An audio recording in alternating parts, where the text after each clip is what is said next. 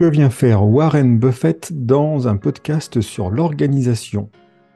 Il va nous en apprendre plus d'un, notamment sur la façon de gérer les priorités quand vous avez beaucoup de projets et que vous ne savez plus lequel choisir. Bienvenue, vous êtes sur le podcast J'ai pas le temps pour ça, le podcast qui vous propose en 3 minutes d'explorer des concepts qui vont vous permettre de mieux vous organiser au quotidien. On a parlé de Monsieur Buffett pour ceux qui regardent la vidéo. Vous avez sa photo qui s'affiche à l'écran. C'est un investisseur assez bien connu et qui, bah, entre autres choses, nous a aussi distillé certain nombre de conseils en organisation et c'est là-dessus que nous allons nous appuyer aujourd'hui. Comme par exemple cette phrase qu'il aurait dite, la différence entre une personne qui réussit et une personne qui réussit admirablement, c'est que cette dernière dit non à presque tout.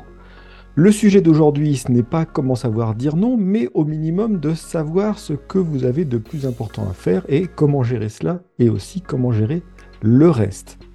La méthode proposée par M. Buffett est extrêmement simple. Selon la petite histoire, euh, ça leur été transmise quand son chauffeur de jet privé lui aurait demandé des conseils d'organisation. Euh, quel projet dois-je faire? Et il aurait simplement dit, bah, c'est simple, tu prends une liste, tu fais une liste de tous les projets professionnels euh, que tu as dans la tête, que tu as à cœur actuellement, et tu les listes tous. Euh, pour faire simple, on part sur les 25 plus importants, pas plus, c'est déjà énorme. Donc euh, il dit, vous, tu listes les 25 projets les plus importants que tu as à faire. Et une fois que cette liste est faite, tu identifies parmi ces 25 les 5 qui sont les plus critiques, ceux que tu veux absolument avoir réalisés. Ça nous donne la liste des 5 projets auxquels tu vas donner un focus absolu. C'est là-dessus que tu vas focaliser tous tes efforts. Ok, très bien. il m'en reste 20 sur lesquels bah, je pourrais passer une partie de mon temps quand j'aurai un peu de temps libre.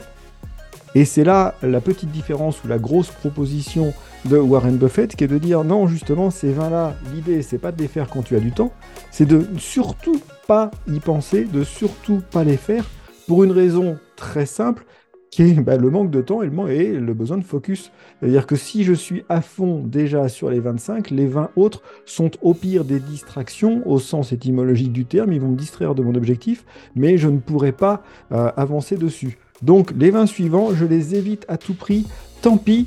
Euh, c'est vraiment en fait cet exercice qui est doublement intéressant, c'est à la fois de vérifier que les 5 premiers sont bien ceux auxquels vous pensiez et qui, sont bien ceux qui sont les plus importants, et sur les 20 suivants, c'est un moyen de réaliser, de prendre conscience que oui, il y a des choses que je ne pourrais pas faire, et plus tôt je l'ai décidé, mieux je serai à l'aise avec le reste sur lequel je vais m'occuper.